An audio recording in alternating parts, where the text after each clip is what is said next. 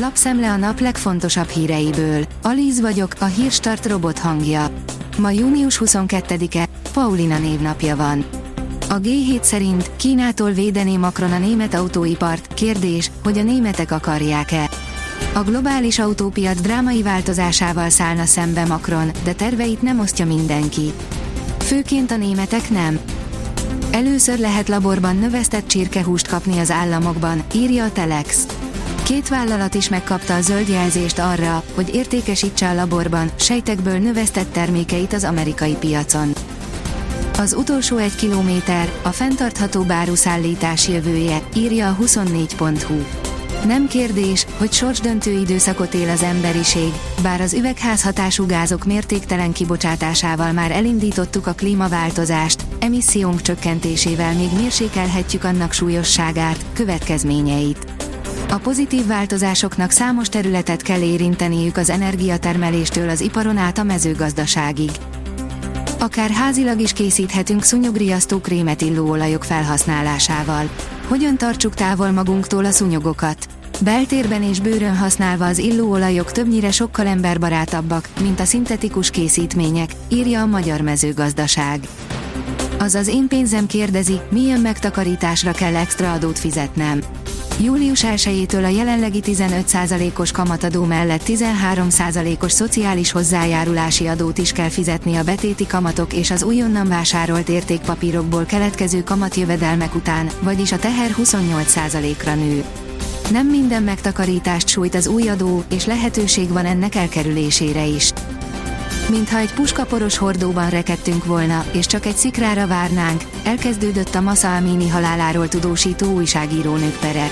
Két iráni riporter bebörtönzésének nem csak azért van nagy jelentősége, mert a munkájukat végző emberekről beszélünk, az emberi jogokkal foglalkozó újságírók kriminalizálása a teljes iráni szabad sajtó bebörtönzése, áll a 444.hu cikkében. A vezes szerint a jövő városi áruszállítása. Nehéz elképzelni, milyen lesz az áruszállítás egy, vagy akár több évtized múlva. Egy dolog azonban biztos, mindenképpen szükséges lesz a széndiokszid kibocsátás csökkentésére, hiszen ezzel nem csak a föld, hanem a városlakók is jól járnak. A First Class szerint kínos kérdésekkel tanítottuk az utca emberét.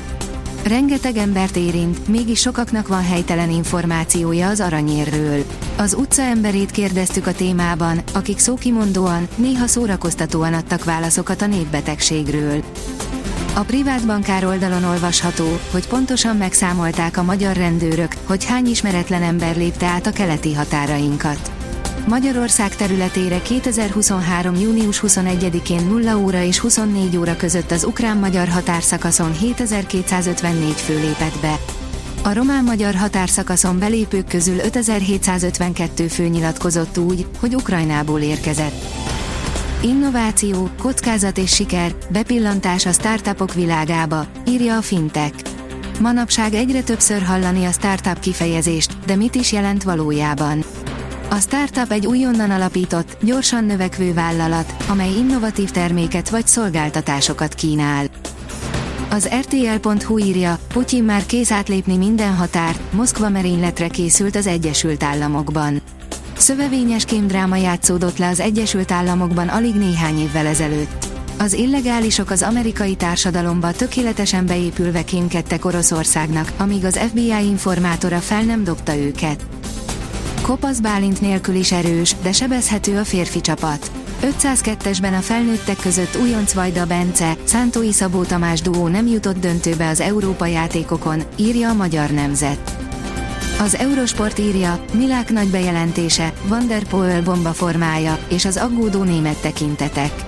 Milák Kristóf bejelentette, hogy nem indul az úszóvilágbajnokságon mentális és fizikális problémák miatt.